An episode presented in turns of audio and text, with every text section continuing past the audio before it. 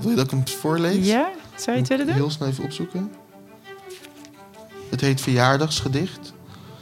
Voor iemand met grootse visioenen en wensen, verre van brood mager, niets met een korreltje zout, mis ik levenslust.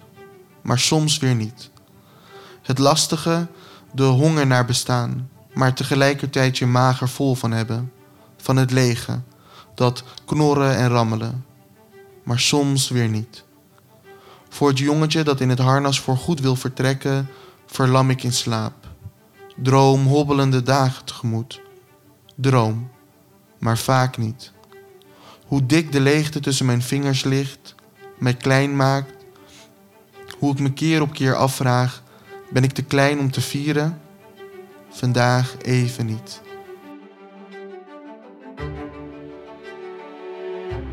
Welkom bij Ask It Forward.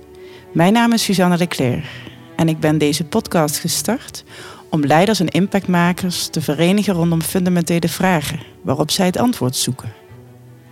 Ik ben begonnen met deze digitale vrijstaat van vragen omdat complexe problemen en duurzame verandering mensen nodig hebben die de kunst verstaan van het vragen in plaats van het opdragen. In Ask It Forward 37 is Hizir Sentjes mijn gast. Hizir is 23 jaar en groeide op in de Schilderswijk in Den Haag. Waar hij veel voorbeelden ziet van journalisten die erop uit zijn om moslims en inwoners van zijn wijk in schadelijk daglicht te zetten, zo stelt hij. Voor hem een belangrijke drijfveer om het anders te gaan doen. Hizir is onder meer correspondent Twijfel bij de Correspondent en schrijft columns voor het blad Huurwijzer. Ik wil achterhalen wanneer iemand zich thuis voelt door voorbij begrippen als diversiteit en identiteit te kijken, zegt hij. Dit werk doet hij naast zijn studie straf- en strafprocesrecht. In 2017 wint hij de Jan Paul Bresserprijs voor zijn essay in De Groene Amsterdammer over het opgroeien in de Haagse Schilderswijk. Ook voert hij tijdens het programma Footnote op het podium van Theater de Variant maandelijks één op één gesprekken. Onlangs is Footnote een podcast geworden, zeer het beluisteren waard. Het gesprek dat ik met Hizir voer kent de meeste stiltes van de hele serie Ask It Forward, omdat we beide reactietijd nemen bij gevoeligheid. Dat is spannend voor twee mensen die een gesprek voeren. Wij mensen zijn namelijk net zo bang voor stilte als voor een verkeerde reactie. Daarom luisteren we vaak zo slecht, is mijn ervaring. We zijn afgeleid door onze eigen gedachten over wat we zo meteen gaan zeggen, omdat we stilte willen vermijden. En op dat moment luisteren we niet meer. Feitelijk gaan we dan uit het contact. Ik noem dat de anticipatieparadox. Hoe meer je denkt het gesprek richting te geven door te anticiperen, hoe minder diepgaand de interactie zal zijn. In plaats van daadwerkelijk te laten doorklinken wat de ander zegt en wat jij daarin hoort, vul je de stilte met nietszeggende woorden. Dat deden Hizir en ik niet. En met dat besef kom ik op een eerste antwoord op de vraag die Noelle Aarts me meegaf. Wat is er nodig om kwetsbaarheid in te zetten als kracht in een gesprek? Ik wens je veel luister- en stilteplezier.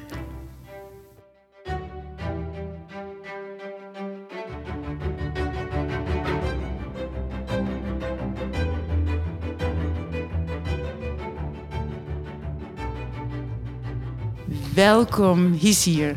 Spreek ik je naam goed uit? Ja, Ja? dank. Gelukkig. Fijn jou hier aan mijn tafel te hebben in het Hoofddorpse. Ehm, nou, ik ben heel blij op deze zonnige dag om met jou eh, aan een gesprek te beginnen over een vraag die over het gesprek gaat. Zullen we samen eens luisteren naar de vraag die Noelle Aarts jou heeft gesteld? Ja. Je kwetsbaar opstellen is een kracht, in principe. Maar wordt gezien als, als, als een zwakte. Eh, hoe zou je kwetsbaarheid als kracht kunnen inzetten in een gesprek? Prachtig. Zoiets, hè? Mag ik er dan van maken, wat is zo nodig? Ja. Wat is Ja. zo nodig? Om, om, om, om kwetsbaarheid in te zetten als kracht in een gesprek. Prachtig. Ja, dat, eh, nou ja, dankjewel. Dat is typisch een, een interactioneel... eh, the art of thinking together, hè? Nou, Wat is er nodig om kwetsbaarheid in te zetten als kracht in een gesprek? Die vraag kreeg jij vorige week aangereikt van mij, maar hij komt van Noelle. En, ehm, nou, en als ik het forward vraag ik mijn gast dan om een, te beginnen met het associëren op die vraag vanuit een kunstwerk. Wat heb jij meegenomen hier? Ik heb een gedichtenbundel, uh, bundeltje eigenlijk. En dat zeg ik niet omdat het. Dat zegt niets over de kwaliteit, maar gewoon omdat het heel weinig gedichten zijn van Tara. Als het goed is, heet ze Tara Arts. Maar daar ben ik niet helemaal zeker van. Het kan ook dat ze zichzelf zo noemt. Anders heeft ze gewoon een schitterende achternaam.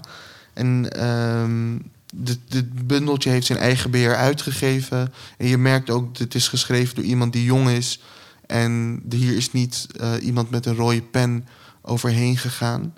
En dat is tegelijkertijd de kracht van dit bundeltje. Het gaat namelijk over de tijd dat Tara in een gesloten uh, inrichting heeft doorgebracht of door moeten brengen.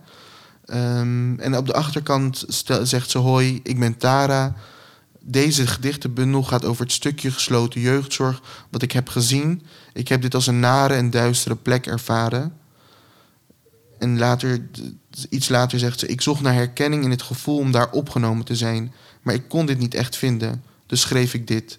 Ik hoop dat anderen hierin wel die herkenning kunnen vinden. En dat ze kunnen voelen dat je niet alleen bent. En dat er hoop is. Ik probeerde uit te leggen aan familie, hulpverleners, vrienden, kennissen hoe het was daar en hoe ik me daar heb gevoeld. Ze konden het zich niet voorstellen, hoe het achter die gesloten deuren echt was. Ik wil laten zien hoe het daar was en hoe ik het ervaren heb. Dus eigenlijk, ik moest hier meteen aan denken toen ik die vraag kreeg, omdat Tara eigenlijk met dit bundeltje in gesprek wil treden met anderen. Omdat ze zelfs haar familie wilt uitleggen hoe het daar was. En dat doet ze geweldig. Echt, het is pijnlijk om te lezen, maar zo puur, zo eenvoudig, maar zo. Het snijdt gewoon door je ziel. En dit is dus haar manier. Ze zet haar eigen kwetsbaarheid dus in om het gesprek hierover aan te gaan. Ja, prachtig. Zou je eens iets willen voorlezen? Kun je, heb je een passage die je mooi vindt of een gedicht? Uh, zijn het gedichten? Het zijn, soms is het één zin, soms is het een Nederlandse zin en de andere keer een Engelse. Uh, af en toe heb je dus een tekening erbij. En nog minder vaak is het een iets langer gedicht. Maar ook in die ene zin zit vaak heel en heel veel mocht een paar. Ik, je zegt net lees een paar voor, dat ga ik doen. Of in ieder geval lees één voor. Maar ik ga de ruimte nemen om een paar voor te lezen die het erg vindt. Nee. Het allereerste. Ja, het allereerste zin, zinnetje dat erin staat is. Op een gesloten afdeling wil je nog niet dood gevonden worden. En heel snel iets anders zoeken. In gesloten leerde ik mijn hart opsluiten. Wow. Het boekje heet ook Opgesloten, ja. zei je net. Ja. En de allerlaatste, ik voel me machteloos. Nummer 537, gaat naar kamer, zonder troost. Hmm. Oeh, ja.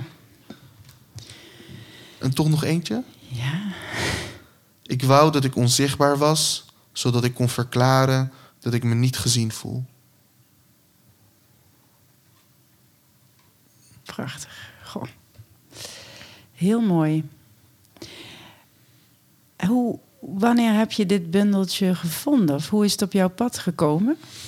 Um, een van de gezichten en de voorvechters tegen gesloten inrichtingen voor jongeren is Jason. Die heeft de afgelopen jaren in de media Ehm, op sociale media ook. En ik zie hem wel eens nu nog op TikTok voorbij komen. Echt op grandioze wijze uitgelegd wat er mis is met die gesloten jeugdzorg. En hij had dit gedeeld. Eh, dat je dit bij Tara kon kopen voor een paar euro. Dat kunnen luisteraars dus ook doen. Ze heeft een Instagram, The Golden Sun, Sunflower. Mhm. En daar verkoopt ze het uh, bundeltje. Wat mooi. En weet je of zij uh, nog opgesloten is? Of is, uh, is dit van langer geleden? Ik denk het wel. Ze, ze, ze, ze, vertelt in dit bundeltje niet heel veel. Je leest dat ze hunkert naar iemand. Dat ze uit die gesloten inrichting wil naar iemand toe. Je weet niet wie dat is. Maar ook op sociale media, enigszins gestalkt, uh, is er heel voorzichtig in wat ze deelt. Um, dus ik weet dat ze niet opgesloten zit. Um, maar mm. dit beschrijft de tijd 21 december tot en met 17 maart. Maar je weet dus ook niet welk jaar dat was. Nee. Goh, prachtig. Um, prachtige start van dit gesprek. En de vraag van Noelle gaat uh, over... Um, ja, wat is zo nodig om kwetsbaarheid in te zetten als kracht in een gesprek? Wat is een gesprek voor jou? Hè? Want Tara die kiest deze vorm hè, om iets te vertellen aan ons. Um, wat is een gesprek voor jou?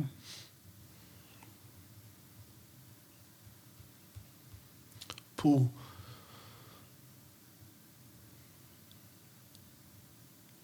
Ja, ik moet de hele denken aan het woord veiligheid. In die zin dat je hoeft niet voor een, volgens mij niet voor een goed gesprek bijvoorbeeld gelijkwaardigheid te hebben. In die zin dat je ook een gesprek kan hebben met iemand die um, op de sociale ladder of binnen het werkvloer op een hogere tree staat. Maar tegelijk, er moet een soort van veiligheid zijn om je, de achterste van je tong te laten zien, om de diepste van je ziel te laten zien, mm -hmm. om keihard te kunnen zijn, um, om stil te kunnen zijn. Ik denk dat als, als je die vrijheid en die veiligheid voelt om dat alle te kunnen doen, dat je dan een gesprek hebt. Oh ja. En is een. Um, uh, heb jij het idee dat je via dat boekje in gesprek bent met Tara? Nee, maar het is wel.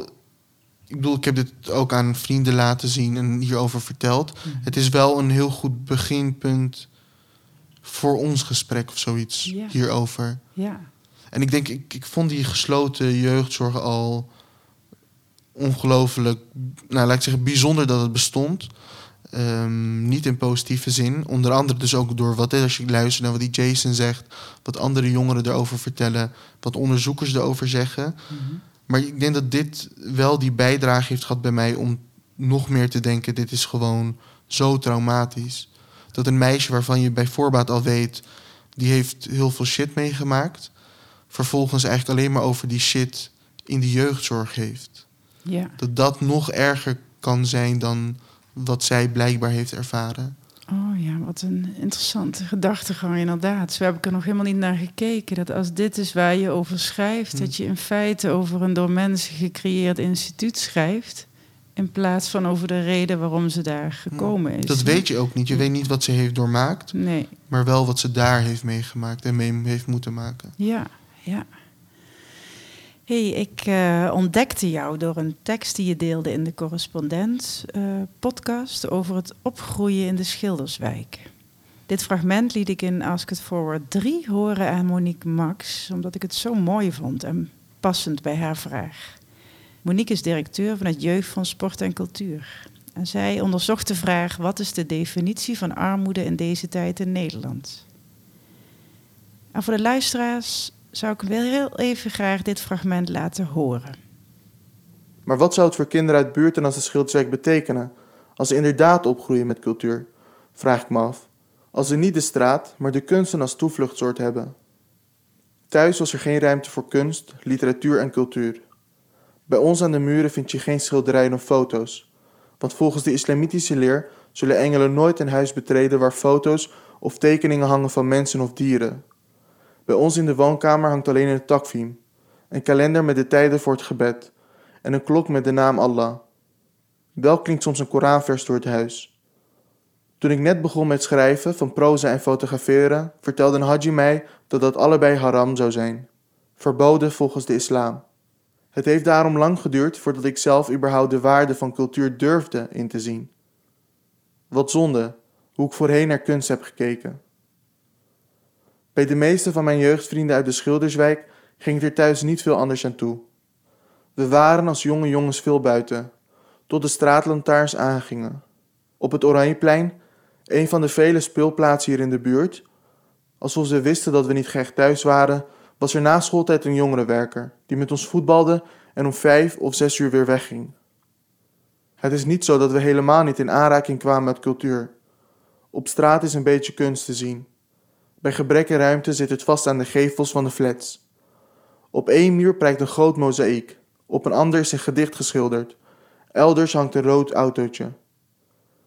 Verder hangen boven de straatbordjes soms een foto of een schilderij van de schilder naar wie de straat is vernoemd. Maar toch, nu denk ik, waarom kregen we alleen een voetbal aangeboden? Waarom gingen er geen jeugdwerkers met ons naar musea, vol oude en moderne schilderijen, of naar een klassiek concert? Waarom vertelde de jeugdwerker ons niet iets over Nederlandse historie? Over literatuur, als aanvulling op het beetje dat we op school kregen? Zegt het iets over ons, of over hen, dat er slechts werd geïnvesteerd in speeltuinen en voetballende jeugdwerkers? Abdelkader Ben Ali, een van de eerste Marokkaans-Nederlandse schrijvers die doorbrak naar een groter publiek, schreef in trouw over dit thema. In zijn column Schaamte hangt als een klamme deken over de Marokkaanse gemeenschap, stelde Ben Ali dat literatuur zijn reddingsboei was. Het gaf hem, zoals hij het noemde, psychologische weerbaarheid. Het decor waarin hij zich bewoog was keihard. Hij was in zijn jeugd omringd met jongens wier activiteiten het daglicht niet konden verdragen. De jonge Ben Ali koos niet voor dat pad, omdat er mensen waren die in hem geloofden en omdat hij de literatuur had. Daar vond ik alles wat ik nodig had, schrijft Ben Ali. Ik vond dit zo'n krachtige vorm om te vertellen over jou vroeger en ook de betekenis van het ontbreken van kunst eigenlijk in jouw jeugd. En je verwijst naar kunst als vorm van psychologische weerbaarheid. En nu kom je met de gedichten van Tara vandaag in deze podcast. Wat betekent kunst voor jou als uiting van kwetsbaarheid?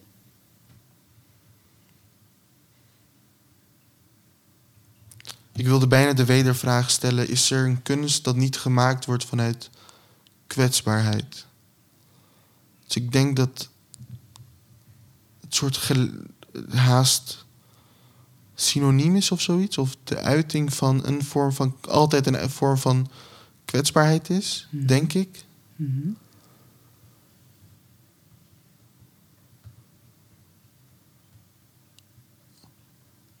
Ja. En sowieso is kunst maken aan zich ook... brengt jou in een hele kwetsbare positie, denk ik. Of überhaupt iets schrijven, iets scheppen, iets beeldhouden. Volgens mij, je, al, al zou je niet kwetsbaar zijn als je dat maakt... Mhm. zet je jezelf natuurlijk wel in een hele kwetsbare positie. Wat gebeurt er in het, op het moment dat jij aan het schrijven bent met jou? Dit, gaat heel gek klinken, denk ik. Maar het is soms daadwerkelijk alsof je een ehm, diagnose aan het stellen bent. Althans, dat, dat idee zo van je brengt onder woorden wat er is. En dit is dus wat er speelt. En dit is dus wat. Ik, bedoel, ik ben nu heel veel gedichten aan het schrijven over geweld. Niet voor niets. Dat, dat heeft gewoon een oorsprong. alsof je alsof je ziet gewoon, oké, dit is het. Dus dit is waar het vandaan komt, of dit is wat er speelt, of dit is wat er in mij zit. Ik weet niet of dat een antwoord op je vraag is, maar. Zeer. Mm. Ja, ga eens door als je wil, want het is, het is, het is, je zegt een diagnose, dus het maakt het iets helder dan ja. voor jezelf. Ja, en ook, oké, dat is het. En dat is dan ook vaak een startpunt om na te denken of de herinnering naar boven te halen. Of ja. Ja. Dus dat is ook, uh, dus in dat maken, van, in dat dichten, is dat dan iets wat jij ook heel bewust op momenten wel doet, maar ook op andere momenten niet? Of, nee, omdat, ik bedoel, alle gedichten heb ik vrijwel voor mezelf, alleen voor mezelf gehouden, maar je merkt dat het wel, dat ik het alleen kan schrijven als het Als ik het op dat moment echt zo voel of ervaar. En onbewust ook als ik kijk naar de mensen die ik ehm, heb geïnterviewd, wel eens voor de correspondent. ehm, maar ook, ik schreef ooit voor scholieren.com, is een jongerenplatform. Ehm, daar schreef ik blogs voor. En daarvoor interviewde ik ook scholieren. En als ik nu, onlangs zag ik nog van wat ik daar eigenlijk had gemaakt, een paar jaar geleden. Eh, ik denk 2015 ongeveer, 16. Ik denk niet dat ik bewust heb gedacht, oké, die persoon moet ik interviewen of dat verhaal moet ik vertellen.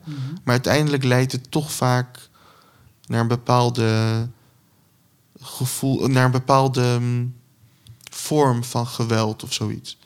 En net zoals, zoals ik net zei, dat is niet zomaar. Dat gebeurt denk ik, dat gebeurt niet zomaar. En dat was in de vorm van een gesprek met die jongeren. Ehm, dus daar zit je in de kern van de vraag van Noëlle. Hè? Maar ik wil nog heel even een soort indirecte aanloop nemen, omdat de kunst, hè, in de kunst is eigenlijk, ik, ik benut dat hier ook niet voor niets in deze serie en, alles dat ik doe, nodig ik mensen heel vaak uit via de kunst. Ik denk om dezelfde reden als die jij net beschrijft. Eh, hoewel ik het woord diagnose nog niet eerder gebruikt heb, is het denk ik een heel, voor mij een interessant woord om op te kouwen. Ik doe dat eigenlijk vooral om een soort.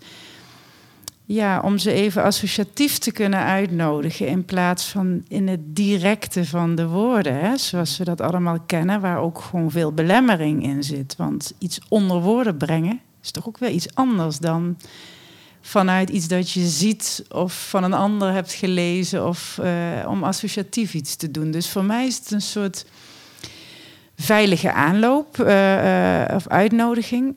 Maar voor mij in mijn persoonlijke leven, en ik, ik, ik heb een achtergrond met een moeder die opgesloten heeft gezeten, was de kunst ook mijn window of raam waardoor ik haar kon zien en beter kon begrijpen dan via het gesprek. Dus wat voor kunst, als, dat, als ik maar iets mag vragen, wat voor kunst was dat dan? zij ehm, maakte, zij is beeldende kunstenaar, dus zeer ehm, ja, rijk in eh, disciplines. eh, eh, dus schilderkunst, beeldhouwkunst, toen in die tijd keramiek. ehm, maakt heel mooi, krachtig werk eh, of kwetsbaar. En waar zat dan die kwetsbaarheid en die kracht exact in haar werk? Torre, je draait hem gewoon om. Als je Ja, pak de nee, touwtjes terug. Nee, leuk. Nee, Nee, nee, je maar- bent- Ja, eh, ehm, het zat er eh, allemaal in. Dus haar kwets... Dus, dus ik kan me hele woeste schilderijen herinneren. Mm, Die gaven eh, eh, woestheid weer. En die kon ik ook plaatsen vanuit hoe ik er meemaakte. Ehm, en voor mij had dat niks kwetsbaars in zich, omdat het mij helderheid gaf. Evengoed als de hele tere of hele beangstigende schilderijen. Ze heeft heel veel geschilderd beesten, mensen met hele grote ogen. ehm, situaties van opsluiting later, nooit in het moment dat dingen speelden. Maar ehm, het was voor mij helder. En ik denk dat dat nog veel beter woord is dan, ik zei net diagnose, maar ik denk, we bedoelen dan daarmee hetzelfde van, het wordt duidelijk wat, iemand, wat in iemands ziel zit. Ja, En dat, dat had jij blijkbaar bij je moeder. En dat als je zelf kunst maakt, dan kan je er zelf ook achter komen van, oh, ik schrijf standaard over dat soort thema's. Of er zit blijkbaar zo'n een bepaalde woede over. Als ik vaak over vrouwenrechten schrijf, kan ik heel boos worden. Ehm, ook als ik gewoon over discussieer of praat. En dat, dat, dat, zegt, dat schept helderheid, zoals jij net zei. ja, Of je kan op basis daarvan een soort diagnose bij jezelf stellen. ja. Van die pijn of dat verdriet of die herinnering. Dat leed zit er. Ja. En nou, ehm, nou, vorige week was je jarig, van harte nog. Dank. En toen plaatste je een gedichtje Oh, op LinkedIn. Dat gedicht was om niet te vergeten. Was daar moed voor nodig? jawel.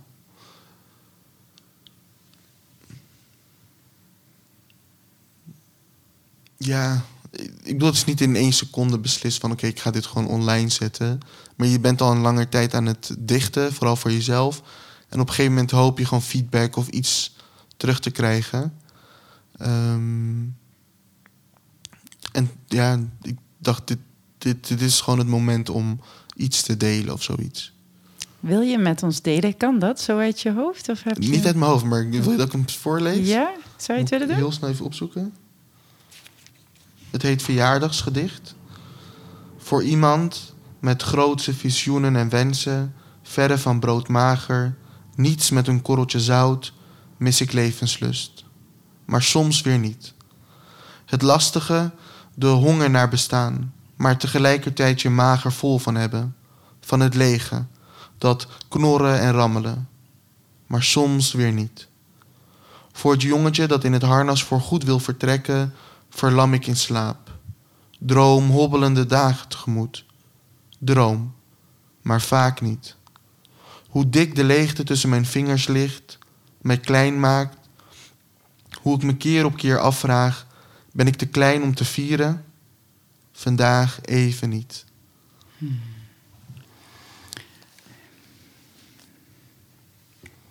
Nou ja, als het gaat over wat is er voor nodig om kwetsbaarheid in te zetten als kracht, dan denk ik dat dit een antwoord op die vraag is. Want ik vind het zo krachtig dat je deze kwetsbaarheid in deze vorm deelt. Maar wat is daarvoor nodig, hier?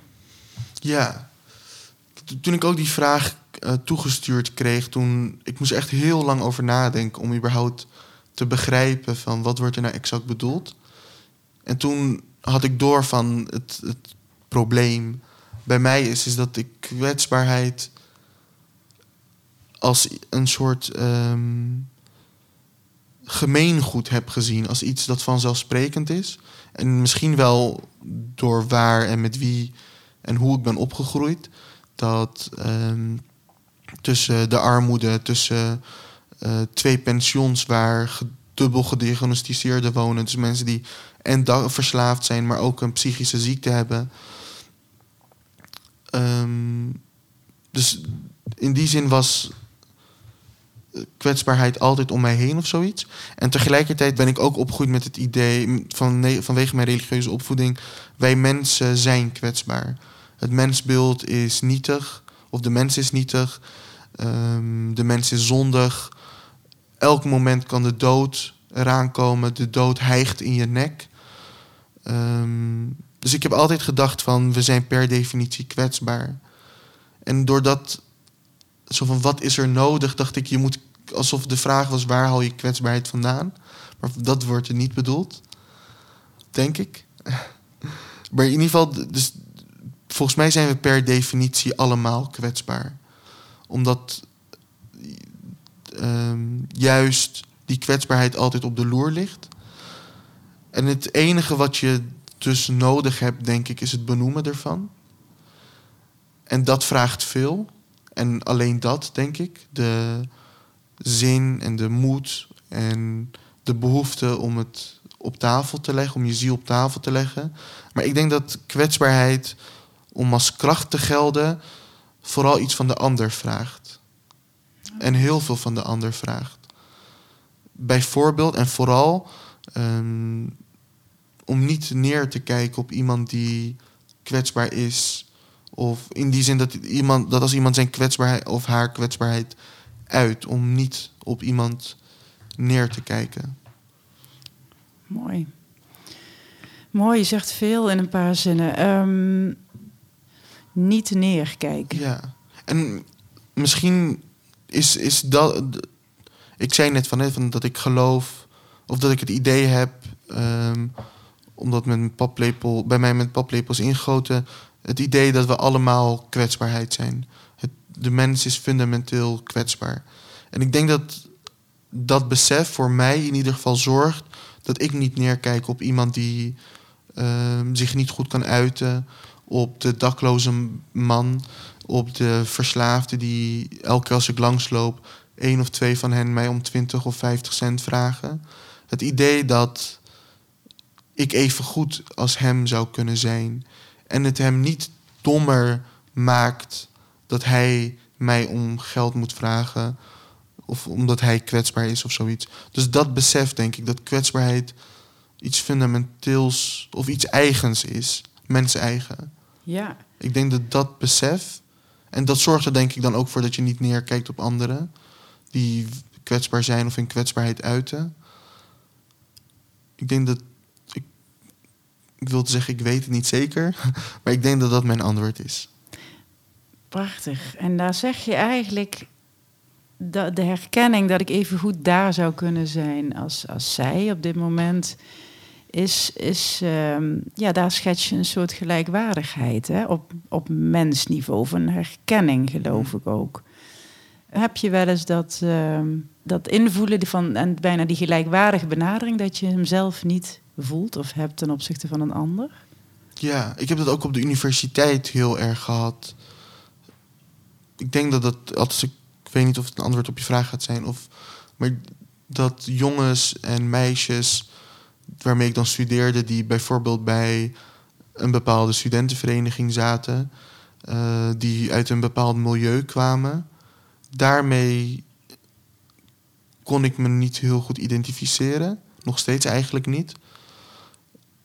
Maar tegelijkertijd zit daar misschien wel juist ook wel een, ja, net zoals dat ik ooit het gevoel heb gehad van ik wil ergens bij horen en daarom ben ik nog steeds religieus, zoals ik destijds dacht, hebben zij dat misschien wel met hun clubje, waarmee ze elke week zich stom drinken, et cetera. Ja, Dus- want wat maakt dat? Wat maakt de, ehm, dat jij daar de herkenning in kwetsbaarheid niet vindt? Wat is daar anders dan een verslaafde om de hoek die om 5 euro vraagt? En een student uit een keurig milieu met zijn jasje, dasje aan. Wat, wat dat, is dat laatste, dat jasje en dasje. Omdat die dakloze man het niet kan verbergen. Dat hij op de zolen, eh, op de zijkant van zijn schoenen loopt. En het niet mooier probeert te maken. Of misschien ook omdat hij het niet mooier kan maken. Mhm. Maar dat denk ik. Je. iets verbergen door te drinken, tot, tot te blowen, door een bepaalde manier te kleden. Ik denk dat. Ja. Dit, dit is natuurlijk een onderzoekend gesprek, maar ik denk dat daarin het zat. Het Ja. willen verbergen, of misschien ook het kunnen verbergen, dus. Ja, Het is niet zoals iemand die de taal niet kan spreken.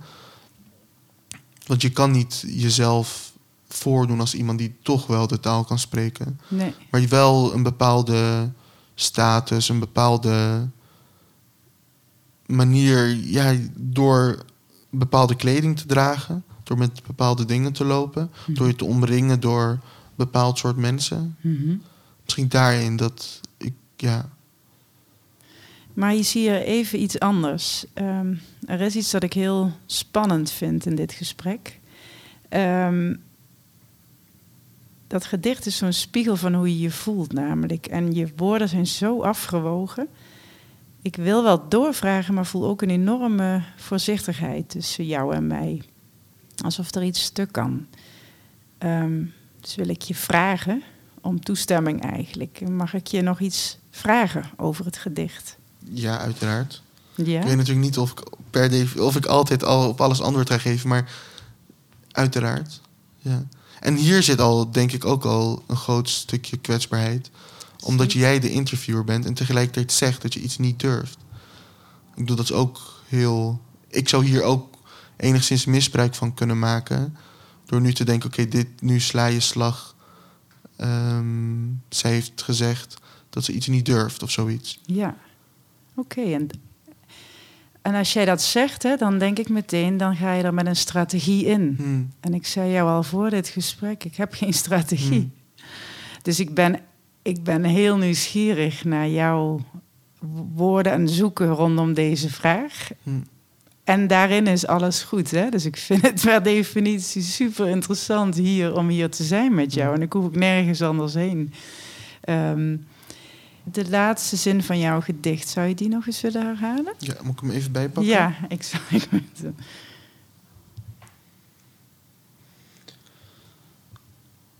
Moet ik eh, voorlezen? Ja, graag. Hoe dik de leegte tussen mijn vingers ligt, mij klein maakt, hoe ik me keer op keer afvraag: ben ik te klein om te vieren? Vandaag even niet. Dank je wel. Wat maakte dat je je op deze dag, je verjaardag, even niet te klein voelde om te vieren? Of je je dat niet afvroeg? Ja, je had een bepaalde reden, denk ik, om het te vieren. Heel simpel, maar ik denk dat dat het mis. Dus juist omdat je, ver- je verjaardag op die dag is, volgens mij. Oh ja. Heb je gevierd? Ja, met vrienden, heel minimaal. Ik ben nooit van verjaardag vieren geweest, maar heel minimaal. Oh ja. En hoe is het met de andere 364 dagen in het jaar? Ja, het is maar de vraag die... Ik bedoel, ik gebruik het woord vieren omdat ik dacht dat is poëtisch, omdat het om gedicht gaat. Maar het gaat, mag ik, heb ik het recht om gelukkig te zijn? Dat eigenlijk. Mag ik blij zijn? Mag ik gelukkig zijn? Dat is de vraag die ik eigenlijk daar probeerde te stellen. Ja. Mag je het leven, alles uit het leven halen? Mag je ehm, gek doen? Mag je dansen? Mag je zingen? Komt het antwoord op die vraag al dichterbij?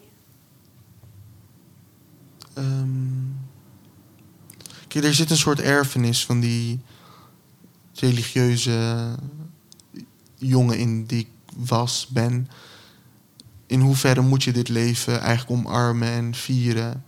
Hoe blij moet je zijn met dit leven als het hierna, als het om het leven hierna gaat? Dat stukje zit er enigszins in of zoiets. Ja.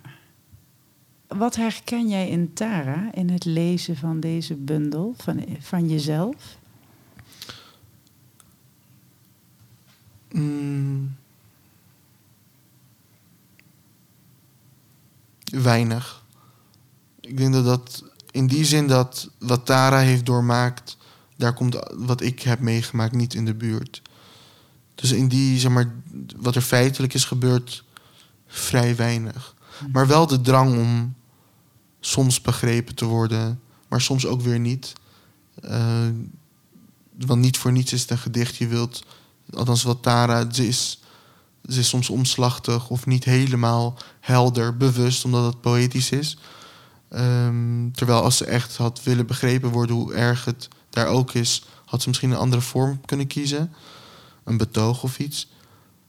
Dus ze- in die twee sprong of zoiets zit. Van enerzijds je wilt her- begrepen worden, maar toch ben je een beetje vaag. Schrijf, zeg je dingen tussen de regels door. Daarin herkende ik me heel erg. Nou ja. Ja, daarin denk ik. Is het nodig voor je om te kunnen pendelen tussen direct spreken over wat je meemaakt en indirect verwijzen? Mm.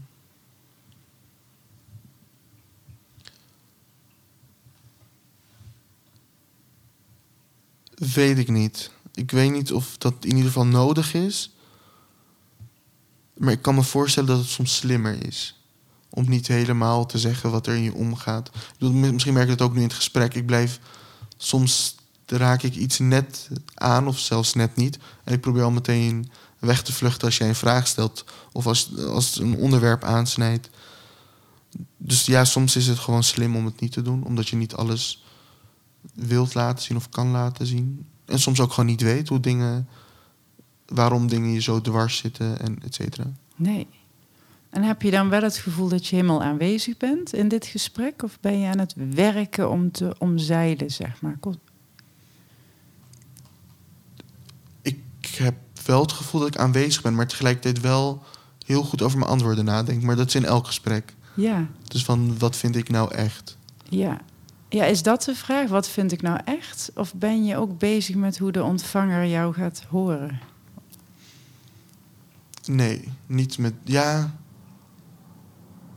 Ehm, ik ben vooral bezig met wat vind ik echt. Omdat dat al heel veel vraagt van iemand in een gesprek, denk ik. Ja.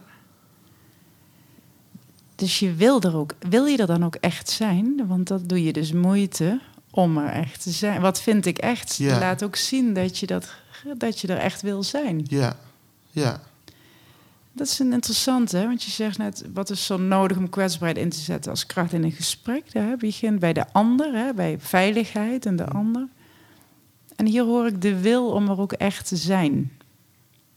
Hm. Misschien is dat die moed waar ik het over had. Van je moet of de energie of de zin hebben om jezelf op tafel te leggen, Ja. denk ik. Ja. Ja, ik denk het ook. Ik merk altijd, dat is jezelf op het spel zetten eigenlijk. Hè? Er verandert ook altijd iets in de dynamiek als ik dat zelf ook doe. Dus ik zoek ook altijd in, in een gesprek. eh, daarom voel ik me, ik ben helemaal geen interviewer of zo. Ik kan wel een gesprek voeren. En ik merk ook altijd dat het ook gaat over wat je zelf ook meeneemt en inbrengt van jezelf. Ja. Het opent ook luiken bij de ander. En ik moet, ik moet nu meteen denken aan een... Mag ik een anekdote vertellen? Graag, ja. Ik, ik, ehm, toen ik in de zesde klas zat, is inmiddels zes, zeven jaar geleden, organiseerde ik met een aantal andere jongeren een evenement. ehm, waar jongeren op verschillende manieren verhalen konden vertellen. En in het publiek zaten dan ook andere zaten jongeren. En een van die jongeren vertelde, was een danseres. En ze droeg een gedicht voor over het, het feit dat als je iets wilt, dan moet je dat doen.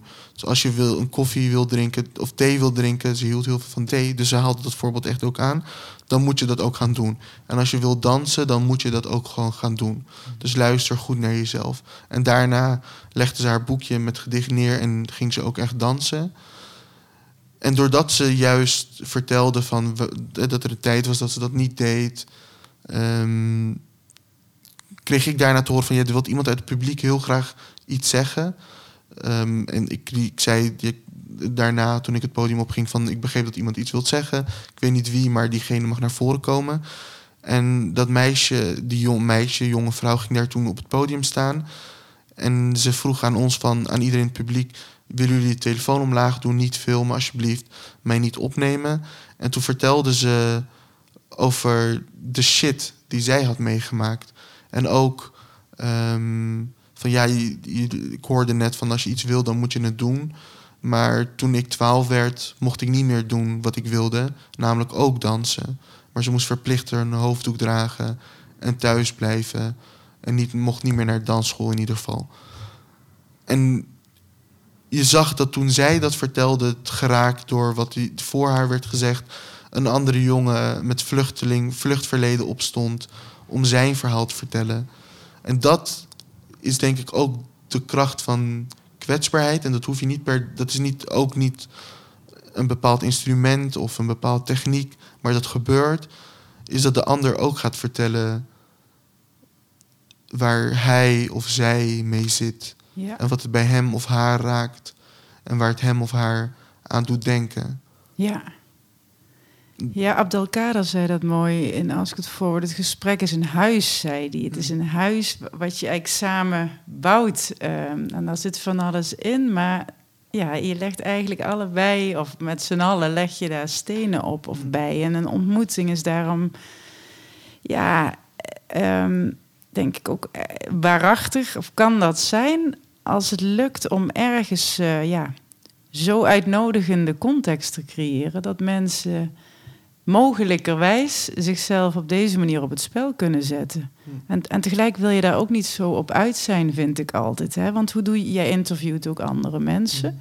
Hoe doe jij dat zelf? Hoe, hoe nodig jij de ander uit om eigenlijk volledig zichzelf te zijn, dus kwetsbaar ook? Wat ik altijd probeer bij de mensen die ik interview, vrijwel altijd, is te zoeken naar. ehm, nee, de- er moet iets bij mij ontstaan waarom ik diegene wil interviewen. Er moet gewoon echt een vraag liggen die ik beantwoord wil hebben. Ehm, bijvoorbeeld met Chris Keulemans, hij heeft een boek geschreven, Gastvrijheid. En ik vroeg me echt heel erg af en ik kon het online in interviews met hem niet vinden van wat is zijn pijn en waarom ontmoet hij steeds mensen overal ter wereld die gebroken zijn, pijn hebben. Wat zit er bij hem? En ehm, dat was dus wat ik hem wilde vragen. En als, zo een, als er niet een bepaalde vraag of een bepaalde boosheid of een bepaalde irritatie soms zit, dan interview ik niet iemand. Dus waar jij het net over had, het, het, het is eigenlijk een soort twee. Je beweegt samen of zoiets. Dus als er iets niet bij mij ontstaat, kan ik iemand heel lastig interviewen. Ja, ja. En dat hoeft niet En- altijd iets heel groots te zijn, maar ook Nee. gewoon die oprechte nieuwsgierigheid. Als die ontbreekt, dan, ja, dan kan ik niet met iemand bijvoorbeeld een half uur gaan praten. Nee, snap ik. En kun je je moment herinneren waarin je ultiem voelde dat je ja, eigenlijk ultiem kwetsbaar was en dat precies dat maakte dat je heel krachtig was? Dat ik zelf kwetsbaar was en dat was mijn kracht. Ja. Ik moet denken aan. ehm, ik heb ooit meegedaan aan kunstbende. Eh, geweldige wedstrijd voor jongeren. In verschillende kunstdisciplines. En ik deed mee met een theatermonoloog. En dat ging over opgroeien zonder. eh, of opgroeien met een gewelddadige vader. En in het publiek zat iemand die met mij meekwam. Ehm, en na afloop hoorde ik een kinderstem praten. Ehm, en hij vertelde, hij zei iets als: mijn, mijn vader is ook zo. Dus een kind had begrepen wat ik daar in best wel lastige en omslachtige woorden probeerde uit te leggen.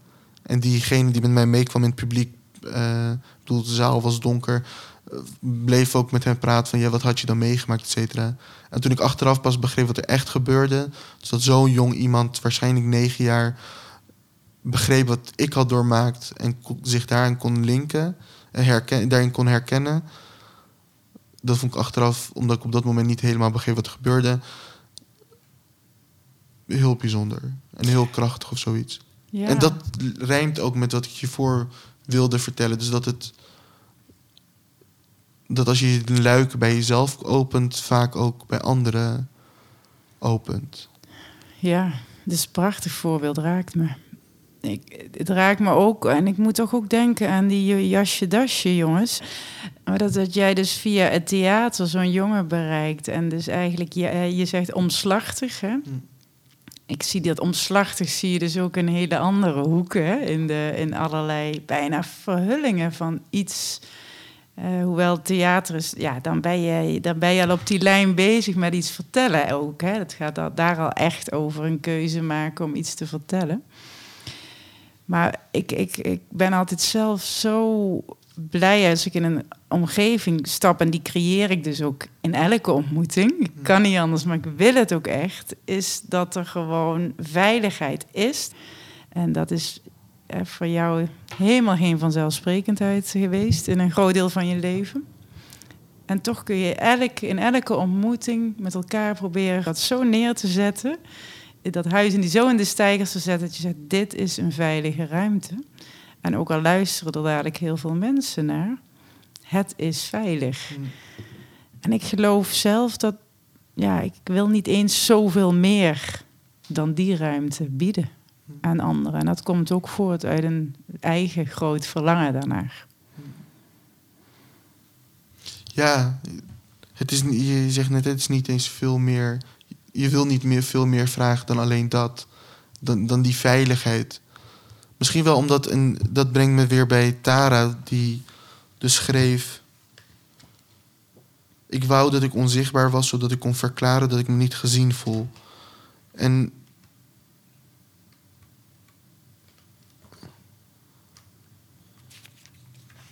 Ehm, ik weet niet of ik het heel snel Nou, neem je tijd. ga vinden. Ja, ik wil me niet één uur in de week gezien en gehoord voelen. Bezoekuur. En dat gezien en gehoord voelen, ook de mensen die ik sprak voor de correspondent over hun kwetsbaarheid. Uiteindelijk kwam het allemaal daarop neer. We willen gezien en gehoord voelen. En niet dat, dat iemand dan daarna ook de oplossing voor jou heeft. of jou uit de shit trekt, ehm, vooruit duwt, een duwtje in de rug geeft. Maar misschien alleen al inderdaad die veiligheid, als die er is, waarin je dus je verhaal kwijt kan, um, waarop bij je niet op je neer wordt gekeken, waarbij je misschien niet nog meer op je ziel wordt getrapt. Dat is al denk ik heel effectief en heel mooi. En doet iemand denk ik al zeer veel deugd of zoiets. Hmm. Dus ik herken dat wat, in je, wat je net zei. Ja, Misschien vragen we ook eigenlijk niet veel meer dan alleen dat. Dat is ook al zoveel, inderdaad. Nou, maar hier, we Mag gaan... wel iets zeggen? Jazeker. Ja, ik kan me ook voorstellen dat in ieder geval de scherpe luisteraar denkt... dit is een beetje hypocriet voor iemand die zelf net zegt... ik raak onderwerp alleen aan en ik vlucht alweer. Dus ik wil niet te dichtbij komen. Terwijl ik het wel heb over gezien en gehoord voelen. Dus ik ben daar enigszins bewust van dat als mensen dat zouden denken. Maar tegelijkertijd, wat iemand vindt, is denk ik ook al voldoende jezelf laten zien. Wat bedoel je daarmee? Wat iemand vindt? Nou, hoe je over bepaalde zaken denkt, dat is ook al heel kwetsbaar, denk ik. Ik bedoel, ik, ik vertel niet wat ik heb meegemaakt of et cetera. Je vroeg er net een beetje naar en ik probeerde zo snel mogelijk daar weer weg te gaan. Maar te- het alleen al vertellen hoe je over zaken denkt, is denk ik al heel kwetsbaar of zoiets. Dus dat is in ieder geval mijn tegenargument voor, mocht men denken dat voor iemand die pleit voor het feit dat men gezien en gehoord wil worden, zelf weinig over zichzelf zegt, is dat mijn tegenargument. Oh, wat interessant. Wat je nu doet, hè, dat is dus eigenlijk uitleggen dat je ergens langs schuurt... waarvan je mogelijkerwijs zou vinden... Mm.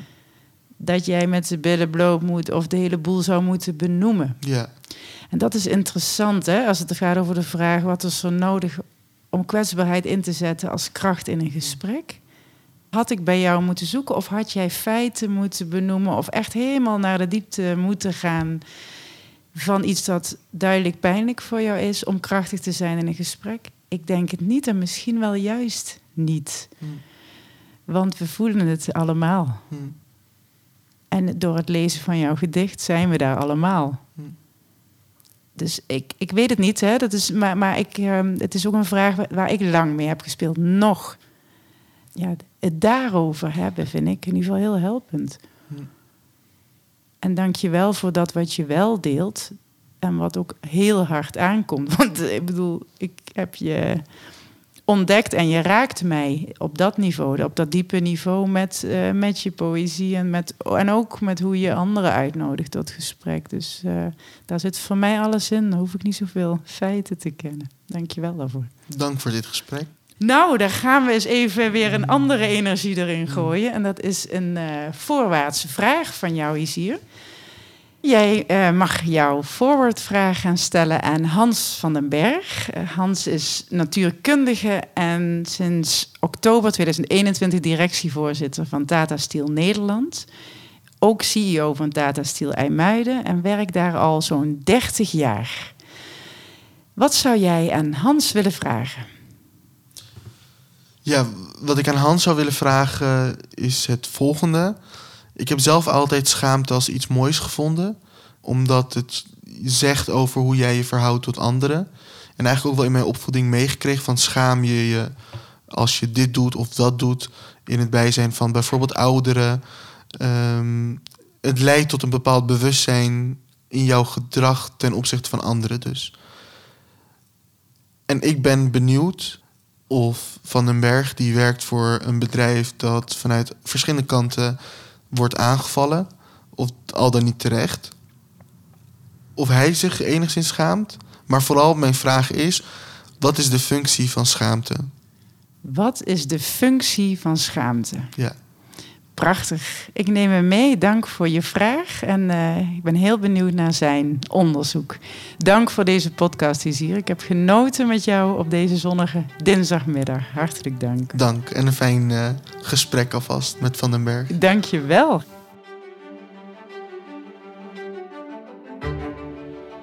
Dit was Ask It Forward 37. Wil je meer weten over voorwaarts vragen, diep luisteren en wat onderzoekend zijn jou kan brengen? Mail voor de gratis nieuwsbrief naar mail.tcc.contact.